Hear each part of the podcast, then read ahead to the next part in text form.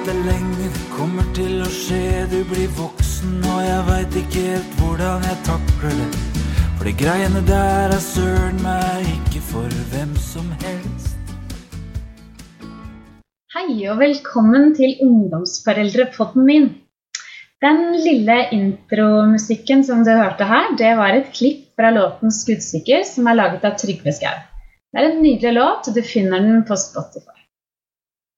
Her i denne podden min så skal jeg snakke med mange spennende gjester om utfordringer, gleder og bekymringer som følger med det å være foreldre til ungdom og tenåringer.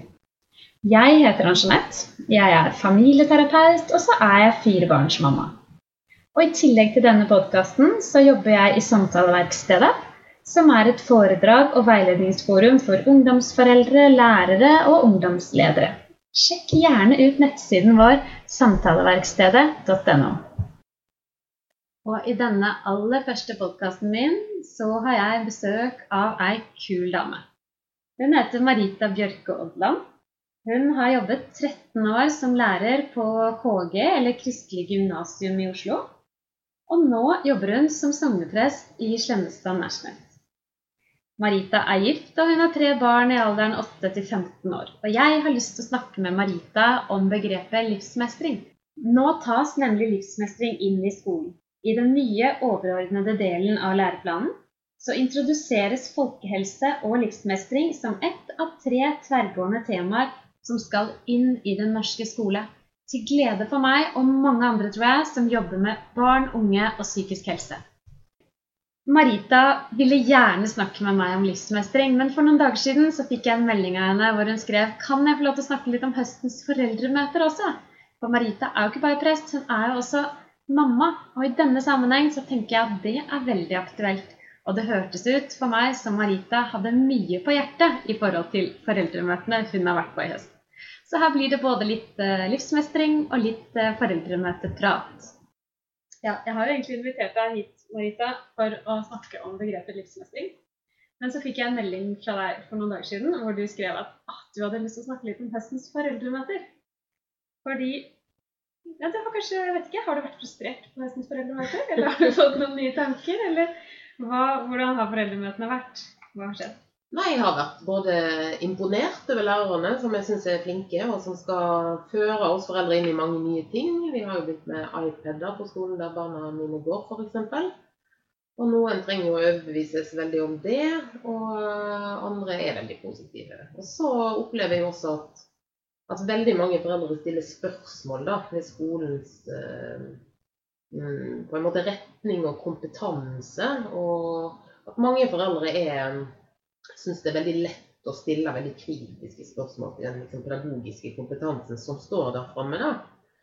Og det er jo veldig viktig. sant? Man skal være kritisk, og man skal vite hva barna driver med og sånt. Men, eh, men samtidig tenker jeg at man må også ha en tillit. da. At sant, vi, vi må hvile i en tillit til at det som barna våre er på og er med på, er bra for dem. Og Hvis vi hele tida skal stille de kritiske spørsmålene og så, så gjør jo barna våre også det. Og hvis de da kommer hjem fra skolen og sier at uh, noe var sånn eller sånn, så, så, må vi kanskje av og til si at uh, uh, sånn er det. Eller det går sikkert bra. Eller det blir vi vant til. Eller det går over. Eller sånne ting. Ikke fordi vi ikke skal følge med og være engasjert og ta de viktige samtalene, men, men litt for å, å At de ikke skal bli møtt med den uroen også hos oss hele tida. Men det kan vi jo komme litt tilbake til. Men, men det er det der eh, at vi hele tida skal stille spørsmål. Fordi vi ønsker å følge opp barna våre. Og jeg tenker at de spørsmålene som vi stiller, beror jo også dypest sett på at vi er bekymra for barna våre. At vi, vi elsker dem. sant? Vi vil at det skal gå bra med dem. Vi vil ha full oversikt over hva de holder på med. Både eh, privat, det er jo ikke alltid så lett å få, kanskje, men, og i skolesammenheng. Og det er jo et gode på mange vis. Men det kan også bli litt mye for barna, tror jeg. Eh, da fikk Jeg bare lyst Jeg husker nemlig jeg var på et foredrag for noen år siden med Jesper Juel. Og han sa det at barn har aldri hatt så lite frihet som de har nå. Og han kalte det egentlig for et eksperiment med barna våre. Og det tenker jeg det handler litt, det handler litt om det. Mm. barna har jo, de har jo lite frihet. Foreldre har kontroll på alle på, på veldig mange fronter. da. De begynner jo tidlig med mobiltelefon. Um, vi vet alltid hvor de er. Og i tillegg så vil de gjerne ha kontroll på hva som skjer på skolen. Ja. Ja. Um, vi tror jo kanskje at vi oppdrar de til å bli frie og til å ta ansvar sjøl, men, men jeg tror nok kanskje at, eh, at vår generasjon, da, hvis vi kan plassere oss omtrent i samme, i samme Ja, tiår i hvert fall, at, eh, at vi hadde en større frihet. Og jeg, jeg eh, holdt jo på med mye jeg som mine foreldre ikke visste om. Eh, Klinte litt i skogen og Ja, juksa kanskje på en brød og litt sånne ting. sant? Ja. Ja. Men eh, eh, og jeg tror også det er mye godt med at vi er åpnere med hverandre. Og hele Mm. vår måte å oppdra barna på åpner jo også opp for den mer sånn gode samtalen og de der gode sånn sant, At man sier at man er glad i, og at man har det bra, og, Mm. og, og går det fint med ting, og er du forelska i den jenta, eller er det bare venner? Altså at vi kan faktisk stille sånne spørsmål uten at barna våre går helt i svart, liksom. Mm. Men, øh, men dermed blir det også vanskelig kanskje å av og til vise motstand da, mot det de kommer hjem og, og forteller oss. Mm. øh, og, og si at ja ja, sånn ble det. Kanskje får du fire i gym, for da verden er ikke optimal. Kanskje er det ikke alltid du som ikke har gjort det bra nok. Kanskje er det av og til læreren som Altså, ja. Sånne ting tror jeg vi må bare realitetsorientere barna om at de lever ikke i en optimalisert verden. da. Mm. Og det er jo det jeg tenker med de foreldremøtene også, at man, man mister litt av syne at man også i en klasse er en del av et kollektiv. da.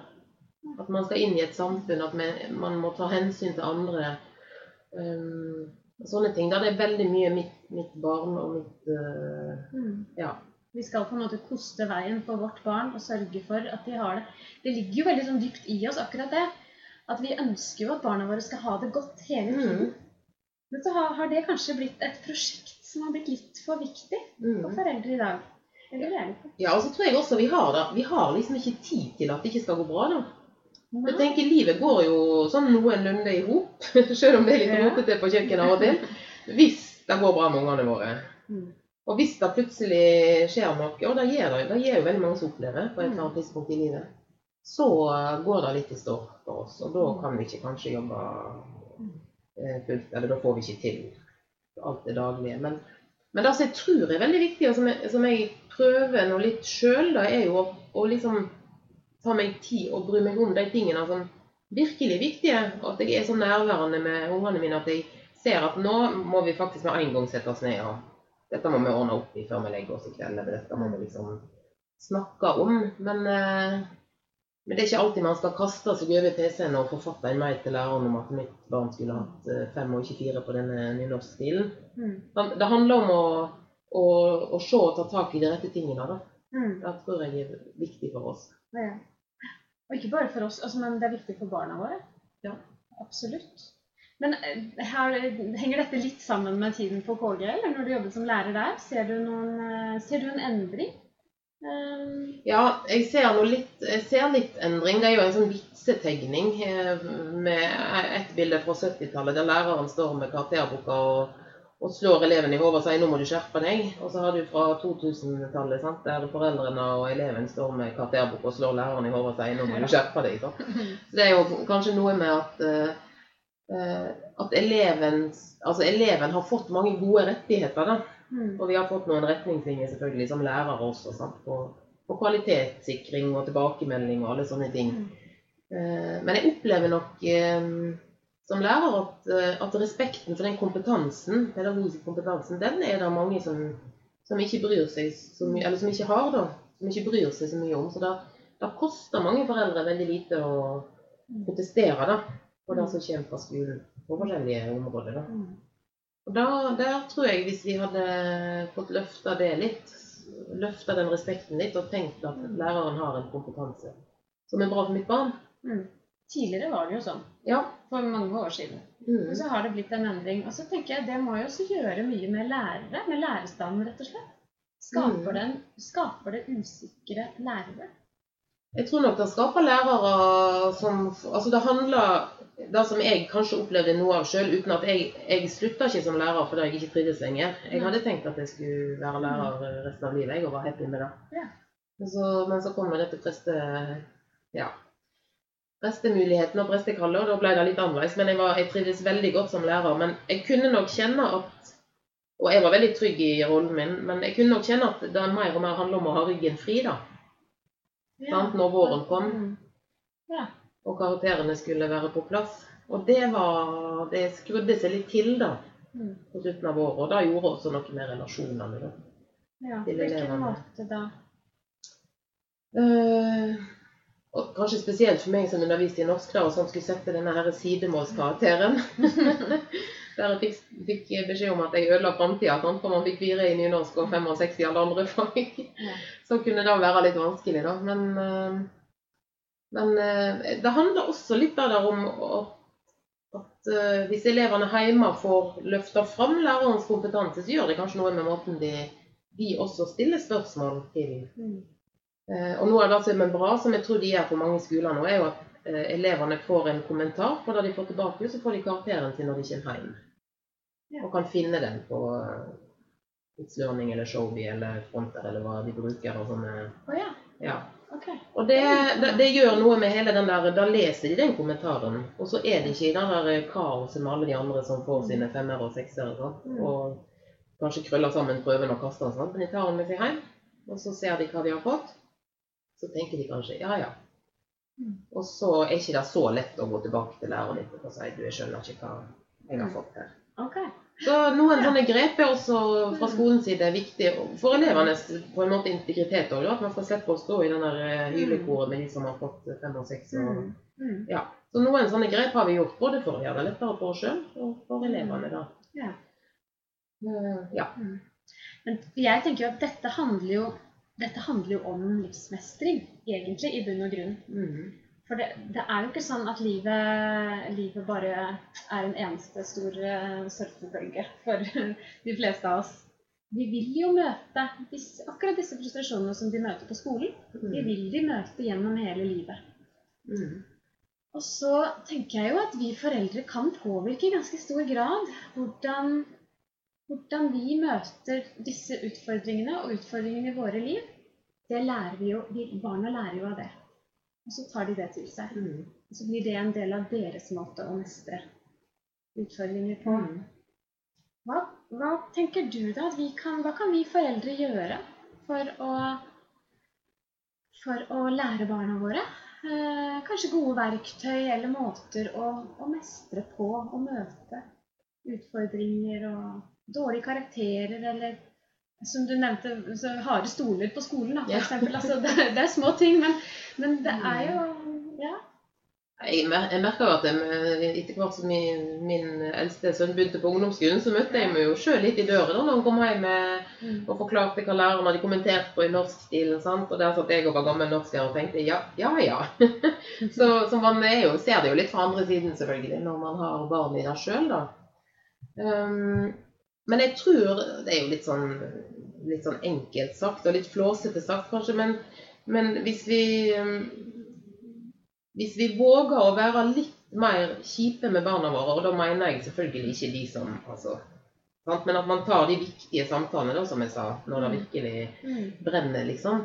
Men, men at vi Jeg, jeg merker jo på disse foreldremøtene som jeg var på i høst, at foreldre er veldig på jakt etter andres rutiner og etter andres måte å eh, sant? Vi har dette iPad eh, at de barna sitter jo og spiller hele dagen sant? når de kommer hjem fra skolen og alt dette her. og jeg opplever at mange foreldre er veldig utrygge. Da, de, de vil ha bekreftelse fra de andre før de sier at da kan jeg være streng hjemme. Mm. Så det er der jeg mener litt at Og jeg opplever det sjøl som liksom befriende av og til. Jeg, selv om det koster, og jeg gruer meg til det, så er det av og til litt befriende å sette ned foten og si sånn har vi det her. Og som du sa, verden er urettferdig. Noen får yoghurt i barnehagen, du får ikke det, men vi har Nugatti. Det er ikke sikkert de har. Altså, Mm. lære til å se litt sånne nyanser da. I, Mm. eh, Det er ikke urettferdig, det er kanskje bare litt forskjellig. Eller er, og om det er urettferdig, så, så må det kanskje bare være sånn. For det er jo som du sa, det er ikke noe surfebølger. Det er ikke noe optimal verden. Og du, du kommer ikke ut i en verden der du har eh, sånn objektive instanser som skal vurdere hele tida heller. sant? Mm. Mm. I forhold til eh, ja, Skal du på et jobbintervju, så er det alltid noen preferanse. Altså, Noen mener at du er god, og andre mener at du ikke er det, kanskje. Og sånn, Mm. og sånn er det litt. Og da er det veldig viktig å ha en slags sånn påle av trygghet i seg sjøl. Og den får en jo i stor grad hjemme, tror jeg, da. Mm. Um, og det som jeg også opplever på disse foreldremøtene litt, er jo at um, når man sitter og vil vite hvordan andre har det, så er det også veldig enkelt at de som, de som sier ja, 'Hvordan er det hjemme hos dere?' eller 'Hva regler har det?' og sånn, så, så kan vi som skal sitte og si da hvilke regler vi har, kan føle oss litt sånn uglesett på en måte. Altså sant, Man jakter kanskje på å finne noen mennesker som er dårligere enn en sjøl òg, som, som ikke får det til så bra, da. Sånn at man også kan tenke ja, ja, men da er det kanskje greit hjemme hos meg. Men jeg, jeg tenker verdien i det der og, og, og at man på et foreldremøte skal finne felles løsninger eh, hvordan vi håndterer livet i heimen, det tror jeg ikke er så lett. For vi står opp til forskjellig tid, vi legger oss til forskjellig tid. Noen kan kanskje premiere barna sine med litt ekstra spilletid hvis de gjør leksene sine med en gang. Noen barn gjør leksene sine med en gang, og da er det ikke noe problem eller konflikt med at de spiller etterpå. da. For eksempel, liksom, å, å sitte og Vi kan godt ha fell, altså sant? vi kan godt si vi stopper klokka ni med de der kjettespillinga, sånn at vi kan si at nå er det slutt. Men, eh, men vi kan aldri helt sette oss inn i Noen får til noe, og andre får til andre ting. Og da må vi bare leve med. Og så må vi kanskje bare tenke at ja, ja, så har vi spist Nugatti dette halvåret her, da, og så det, gjorde det at frokosten ble hyggelig, sant? for da spratt barna opp og skulle ha Nugatti på brødskiva. Vi er jo veldig veldig ordentlige òg. Vi skal være spreke og sunne og jogge og trene og Ja, for det er, det er jo ikke bare ungdommene som skal være flinke i dagens samfunn, det er vel så mye vi foreldre. mm. Jeg tenker jo litt at vi har um, en foreldregenerasjon nå som er ganske usikre. I forhold til Altså, når jeg vokste opp på 70-tallet, så me- husker jeg jeg sier, ikke at det, jeg sier ikke at det var bedre, men det var litt annerledes. For det var noe med at foreldre var mer opptatt um, det, det var et slags Det var ok å bare følge det som det kollektive på en måte gjorde. Det var greit å irettesette andres barn. Det var greit å ikke prioritere barna høyest. Det var liksom en sånn foreldregenerasjon som prioriterte seg selv litt i større grad. Mens foreldre nå er mye mer oppofrende, opplever jeg, da. I forhold til sine barn. Ja, Vi tilrettelegger og, og gjør alt vi kan.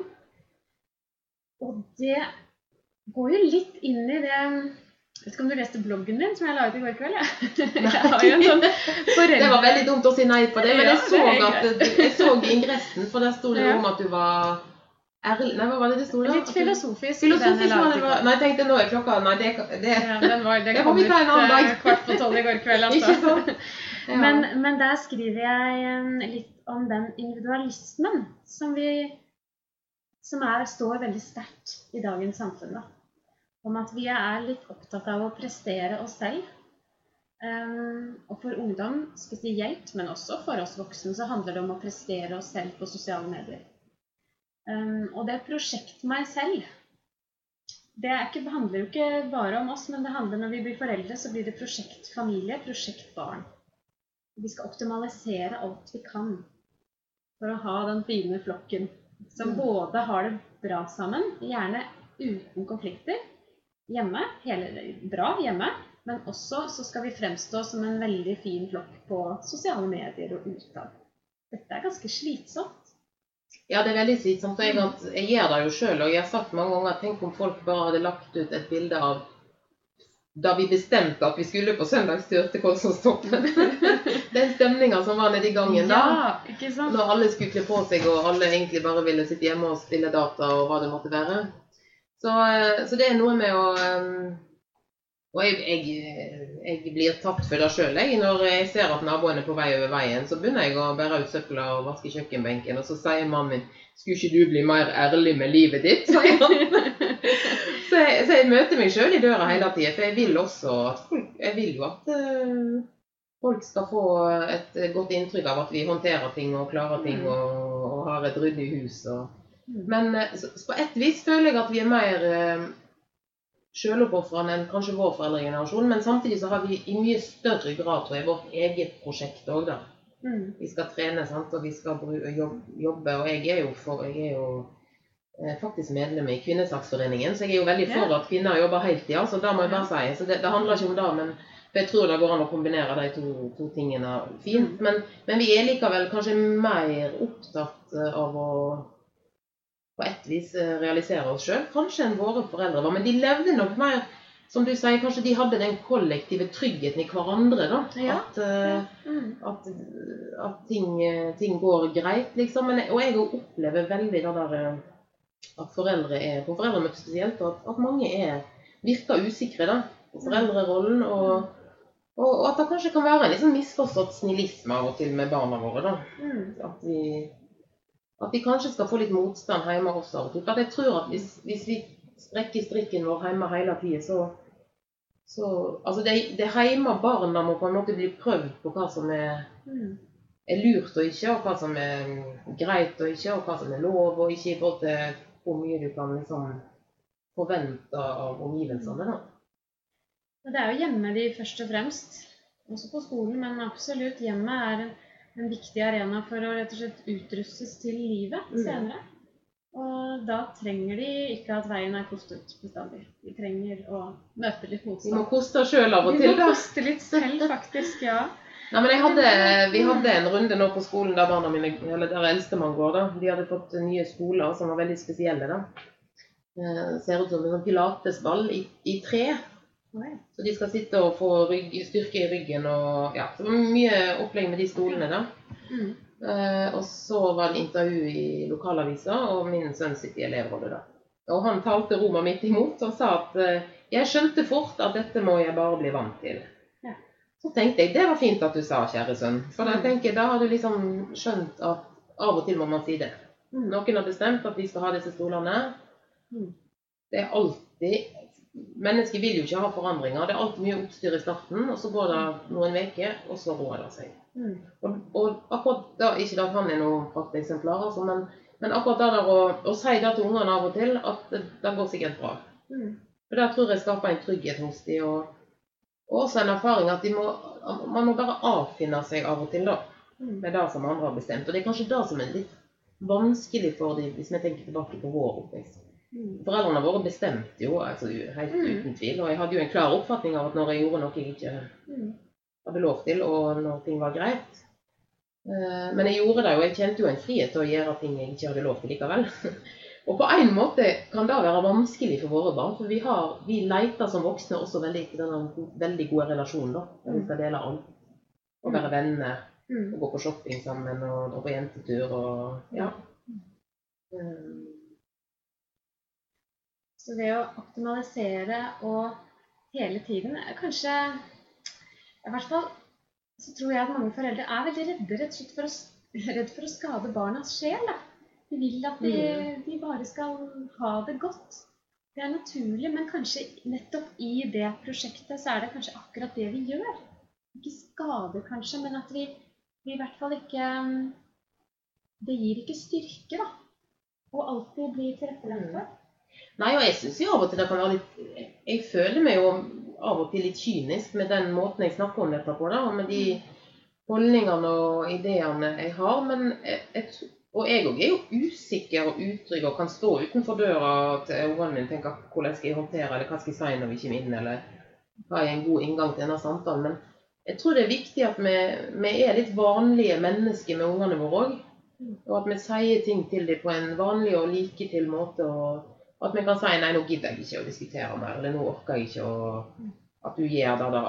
Altså, de må, de, må, de må tåle å høre at uh, nå er det nok, da. Eller, og da kunne jeg nok oppleve at eh, Jeg hadde en elev en gang som etter første klasse på videregående rakk opp hånda i norsken og sa har vi egentlig lært det vi skal i år?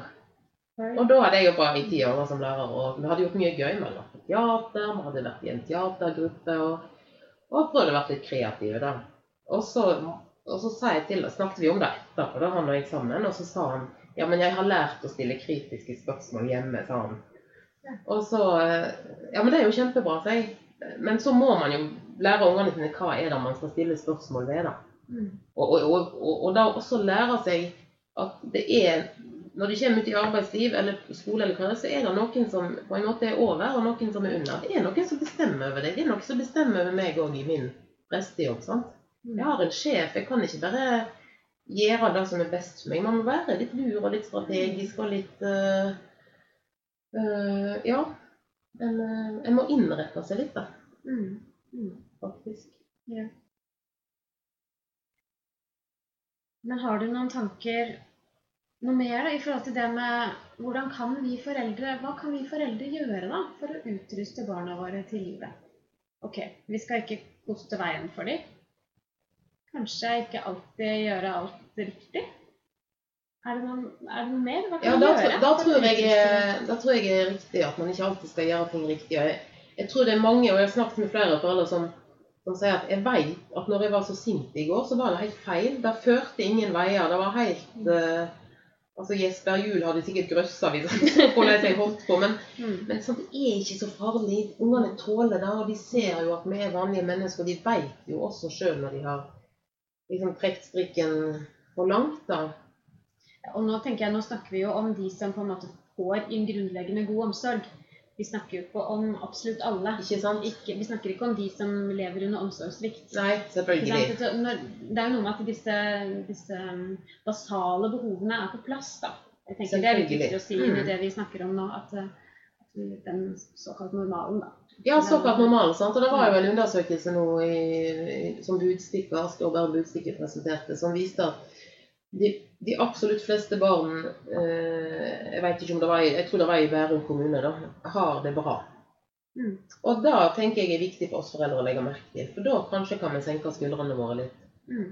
Og, og tenke at eh, å ivareta barna sine handler både om å ha rammer som de må avfinne seg med. Sånn er det i vår familie. Og så handler det om at vi gir dem frihet til å Mm.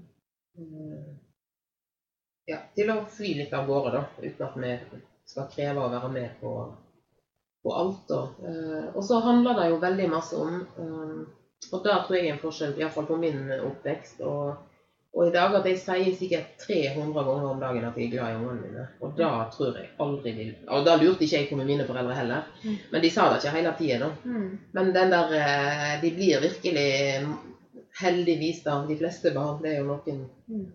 Som ikke får det. Men, men mange barn blir jo virkelig sausa inn i kjærlighet fra foreldrene. Og det er jo helt fantastisk. Det er. Og dermed så, så er det også rom for å vise seg som et vanlig menneske, da, som Mm. forelder. Og, og vise at man av og til er lat, at man av og til har beina på bordet, at man av og til Mm. tar en sjokolade på en onsdag kveld. Jeg tror det er veldig mange sånne ting som eh, Jeg er ikke så glad i sånn regimeoppdragelse. For Vi tror at gleden ved å bli oppdratt handler også om at det fins unntak. da. Mm. At nå, nå spiser vi noe vi har lyst på i dag, selv om det er Mm. ja, onsdag eller hva det måtte være. At, at vi som foreldre også viser at vi kan være litt sånn late og rampete av og til. da. Oh, jeg tenker det er kjempeviktig. Jeg har rett og slett noen ganger gjort det helt sånn med vilje overfor Ja. barna mine. Sagt at nei, nå orker jeg ingenting. Jeg. jeg er bare, nå er jeg litt lat, rett Mm. og slett. Fordi at når jeg gir meg selv lov til å ta vare på meg selv, da, og gir meg selv lov til å skeie litt ut eller ligge litt på sofaen, så gir jeg jo barna mine lov til det. For da, må ikke, da, da sier jeg på en måte til de at du trenger heller ikke å være flink bestandig.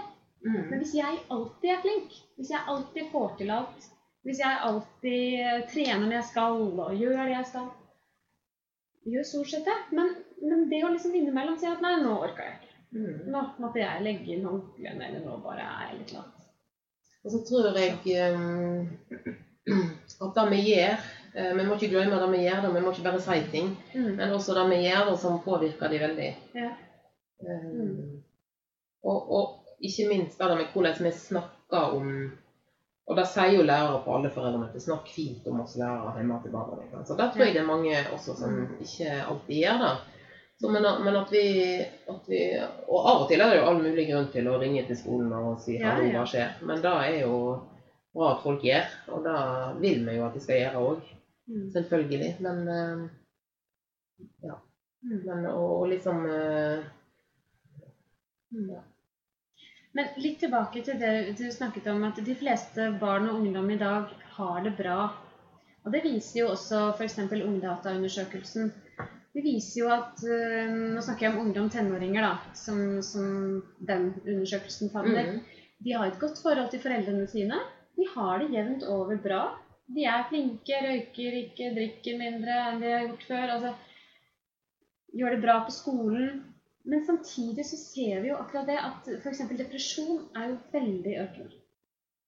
Det er mer ensomhet, det er mer depresjon og psykiske helseplager enn det har vært før. Kan dette henge litt sammen med akkurat det vi snakker om nå?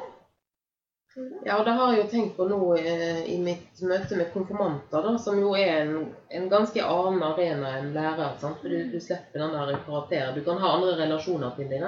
Mm. Eh, og det er jo veldig hyggelig at konfirmanter har blitt veldig greie å ha med å gjøre. jeg husker jo både når jeg var konfirmant sjøl på 80-tallet. Vi herja jo rundt på leir og var jo ikke noe prakteksemplarer på. Og nå er de Nå syns vi det er litt slitsomt hvis de ikke er inne i teltet sitt klokka 11 når vi er på leir. sånn. Eh, Men det er jo baksiden av, den der, eh, av det presset, tenker jeg, som, som gjør at de er ordentlige òg. Det er jo selvfølgelig behagelig for oss som jobber i kirka, men, men eh, det er kanskje vanskelig for de å være litt opprørske òg, da. Mm. Både fordi vi har den um, Kanskje de føler en forpliktelse i forhold til oss foreldre i større grad, fordi vi prøver å bygge en mer sånn vennskapelig relasjon med barna våre òg, da. Uh, men jeg tror det er viktig at de, at de Det er jo veldig lite ungdomsopprør, som du sa. Sant? De røyker ikke, og de drikker mindre. Og, Mm. og, og, og, og de tar det ungdomsopprøret innover i, mot seg sjøl, eller innover i seg sjøl, og blir eh, noen, For noen får det jo fatale konsekvenser sant? med selvskading og, Mm. og sånne ting. Så, så de tar det mer innover seg sjøl. Og jeg tenker også, som vi snakker om det med at, at, at kollektivet bevarte oss litt før. At når det ikke gjør det lenger, eh, så er det på en måte bare meg sjøl som står igjen. da. Og hvis det ikke går bra med meg, så er det vel min egen feil, da. Ja. Eller så er det. Og, og, da, og da står en veldig alene, da. Mm. Selv om Ibsen sier at den sterkeste mann i verden er han som står mest alene, så er jo da Ja, det tror jeg ikke jeg er helt enig med Ibsen i, rett og slett. Er det innafor, eller å si at man ikke er enig? Ja, da synes jeg absolutt. At man ikke er enig med tror jeg han hadde likt, faktisk. ja. Fordi jeg tenker at vi mennesker vi blir til i møte med hverandre. Vi er fullstendig avhengig av Mm. hverandre. Vi er avhengig av hverandres blikk.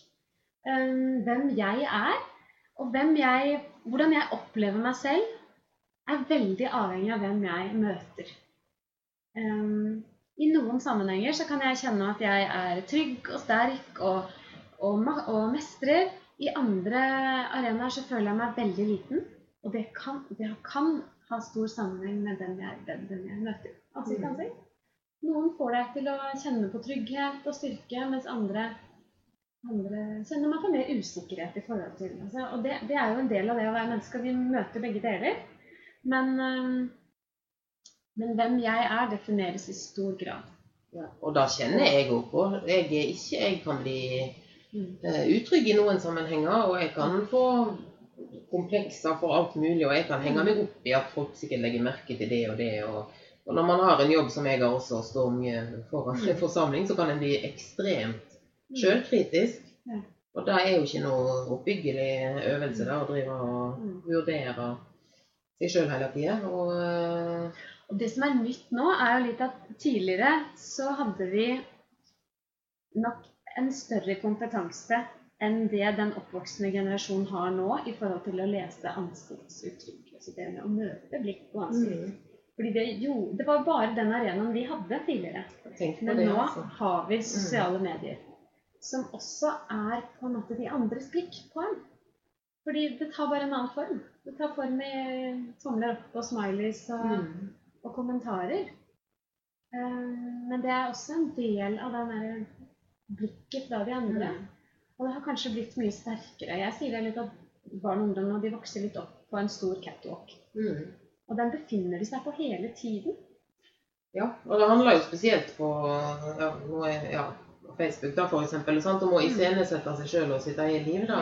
Og jeg gjør det jo sjøl òg. Og jeg, eh, Mm. man sanker jo like, så jeg, jeg, jeg, helt, jeg kan bli helt irritert på meg sjøl at eh, jeg har bare lyst til å liksom legge ned hele greia og begynne å møte andres blikk heller. Og, Mm. og finne det som er fruktbart der. Og, og ikke skulle gå inn i tenk på alt man tar inn da, av alle mennesker, andre menneskers liv. Og det er jo fint på mange måter da, å se hva andre holder på med. Men, men det er jo noe med mengden man klarer å liksom fordøye også. Og, eh, Og så gir det et litt skjevt bilde av virkeligheten. ja, Tenker jeg da. mildt sagt. ja, et, et veldig skjevt bilde av virkeligheten. Selv kan jeg kjenne litt på det at hvis jeg er mye på sosiale medier, så spesielt når det er ferietid, em, så ser det ut for meg som om alle i hele verden ligger på de mest fantastiske strender og har det bare helt optimalt hele tiden. Mens her sitter jeg. Og det kan skape en liten sånn ensomhetsfølelse. En følelse av at jeg er ikke, ikke er så heldig som de andre, ikke får jeg så- til så mye som de andre. Og tenker når vi kjenner på det, vi som har passert 40 og har liksom et liv bak oss, Mm. hvordan er dette for ungdommene våre? Som er så usikre, som er i den fasen i livet.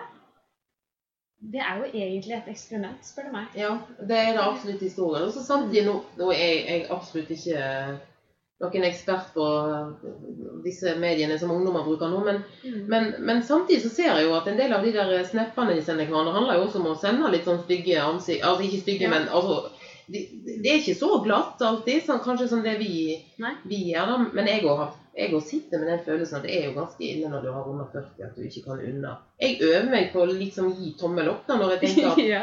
her sitter jeg, liksom. Ja ja, du får få en tommel opp og stranda i Kreta, liksom. Mm. Og så blir jeg av og til litt sånn at Det var en for tre år siden når vi pustet opp huset, så, så var det, da var vi jo ikke så mange steder. da, Og så var det mange som la ut strender og her og der og Hellas og rundt omkring. Og så, og så tok jeg bilde av under terrassen vår der jeg sto og lette etter hovedstoppekran. og, det, tenker, det er, og det er jo også sånne ting som er litt gøy på Facebook. Å, å legge ut sånne Ja. ting som du kan få litt sånn diskusjoner og litt Mm. moro ut av det Mm. og, og prøve både der og i virkeligheten å og, se livet fra litt andre perspektiver. Og, Mm. og vi vet jo at mange vil kjenne oss igjen i dag. Mm. Så jeg vet ikke hvorfor vi er så på jakt etter å vise fram livet vårt og feriene våre. Og, at vi er på rett plass til rett tid. da. Jeg tenker det er ganske naturlig. Og så er det jo Det handler jo kanskje ikke når man er på ferie om at man nødvendigvis skal liksom fortelle andre hvor uh, heldig man er, liksom, men at man bare er glad og man er stolt Ja, og man har det så fint at man Mm. alle har lyst til å dele det. Ja. Men, men det, det føyer seg på en måte inn i Mm. den derre prestere meg selv, eh, Ja. Mm. fremstå på en måte, eller skape en image, da. Det, det føyer seg inn i det. Uh, og jeg tenker at vi voksne på et vis tåler det ganske bra. Mm. Så er det mer tenåringene, ungdommene, barna våre. Jeg Ja. er mer bekymret for det inni dette. ja, og vi måler oss jo Og da gjør jo ungdommene måler seg jo veldig opp mot, Mm. mot hverandre. sant, både på ja, Mm. karakterer og klær og feriereiser og Ja. hvor mye penger man får til konfirmasjonen. og Det er ganske heftig Mm. trøkk der. Og så må vi også tenke tror jeg, at det, det, det var det når vi var unge òg. Jeg husker at vi snakka om hvor mye vi fikk konfirmasjonen. Ja. Jeg husker at jeg hadde eh, venninne som var på ferie i Syden, som det heter på 80-tallet. og jeg veit at jeg ikke gjorde det. Men jeg veit også, og da sier jeg til mine unger nå òg, at jeg veit at jeg var glad for at mine foreldre av og til hadde andre prioriteringer. Eller, Mm. eller ikke kunne gjøre alt som alle andre kunne gjøre hele tida. Eh, da tar ingen skade av. Men det er veldig slitsomt å forklare det til ungene, da. Og det er veldig kjipt. Men eh, det er jo, og det må jo nesten være en litt kjip og vanskelig jobb å være foreldre til. Mm. også. Det er jo en det er, det er jo en jobb som man kan bli helt sånn overmanna av. Og jeg tenker her er det tre skapninger som bare går av gårde hver morgen og håper de kommer seg over veien. og håper de Mm. Sant? Man kan ikke helt, uh, få helt angst nesten av den oppgaven det er å være foreldre. da. Mm. Og da er det en veldig sånn øvelse i å, å gi dem den friheten, og også at vi som foreldre tenker at ja ja, det går sikkert bra. Mm. Vi blir så sårbare i den. Det er jo kjærlighetens pris, rett og slett. Ja, det er det. Mm. Det at vi, vi er så utrolig glad i det. Men du, Marita, fra din ungdom, din egen ungdomstid, hvis du ser litt tilbake, hadde du noen som var sånn gode forbilder, eller noen som betydde mye for deg? Vi hadde et veldig fint ungdomsmiljø der jeg vokste opp. Et, et ungdomskor som var veldig sånn, populær aktivitet i bygda. Det var, det var mye som skjedde der, av andre ting også, men det koret var en veldig populær aktivitet. Og, og, og de Jeg vil ikke si at han var et forbilde, men vi hadde en veldig flott dirigent som, eh, som jeg satte veldig stor pris på. Og, og så var jeg veldig Eh, Det er litt morsomt. For jeg hadde Jeg husker av og til før når vi var sammen med venninner sånn på 80-tallet, så skulle vi sitte og snakke om hvem ville du vært hvis du skulle vært noen andre. Og da var det jo mange som var sant, Det var jo artister og filmstjerner, hva det måtte være. og sånn. Nei, jeg ville vært søstera mi, sa jeg. Og det var jo helt corny ting å si, da. Men hun hadde en stor vennekrets med mange venninner som også var med i dette koret. Og de var utrolig sånn sammensveisa, og, og i mitt kull så var det ikke helt sånn. Så for meg så ble hun liksom Hun var fem år eldre enn meg, sant, og hadde litt kule klær som jeg venta på å kanskje få når jeg skulle bli litt større og sånn. Og hun var liksom, hun så ut som hun hadde det veldig kjekt da, og trivdes veldig godt. Og jeg òg gjorde det. Men jeg tenkte at, Så jeg, jeg tenkte ikke så stort, da. Mm. Men jeg tenkte mer på hva, hva ser ut som et godt liv, da. Innenfor det som er liksom innen rekkevidde for meg, da. Så øh, den skal du ha, søstera mi. Ja. og så fint, tenker jeg. Og også å ha søsteren som sin som Ja. forbilde forbilde -hmm. i den tiden. For det er, jo, det er jo faktisk litt innen rekkevidde. Ja, det er det. For det som gjør det kanskje veldig utfordrende for en del, er hvis man har noen forbilder som er liksom så umulig umulig å, å få til. Da. Ja, det er det, sant. At man blir jo helt Ja.